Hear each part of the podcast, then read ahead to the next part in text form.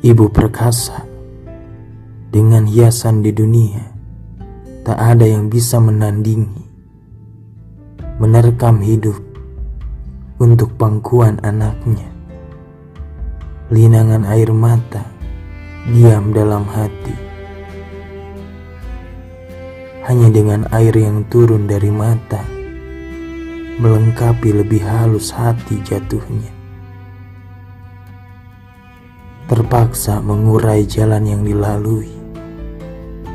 Demi anaknya dewasa nanti menjadi seseorang yang ternilai.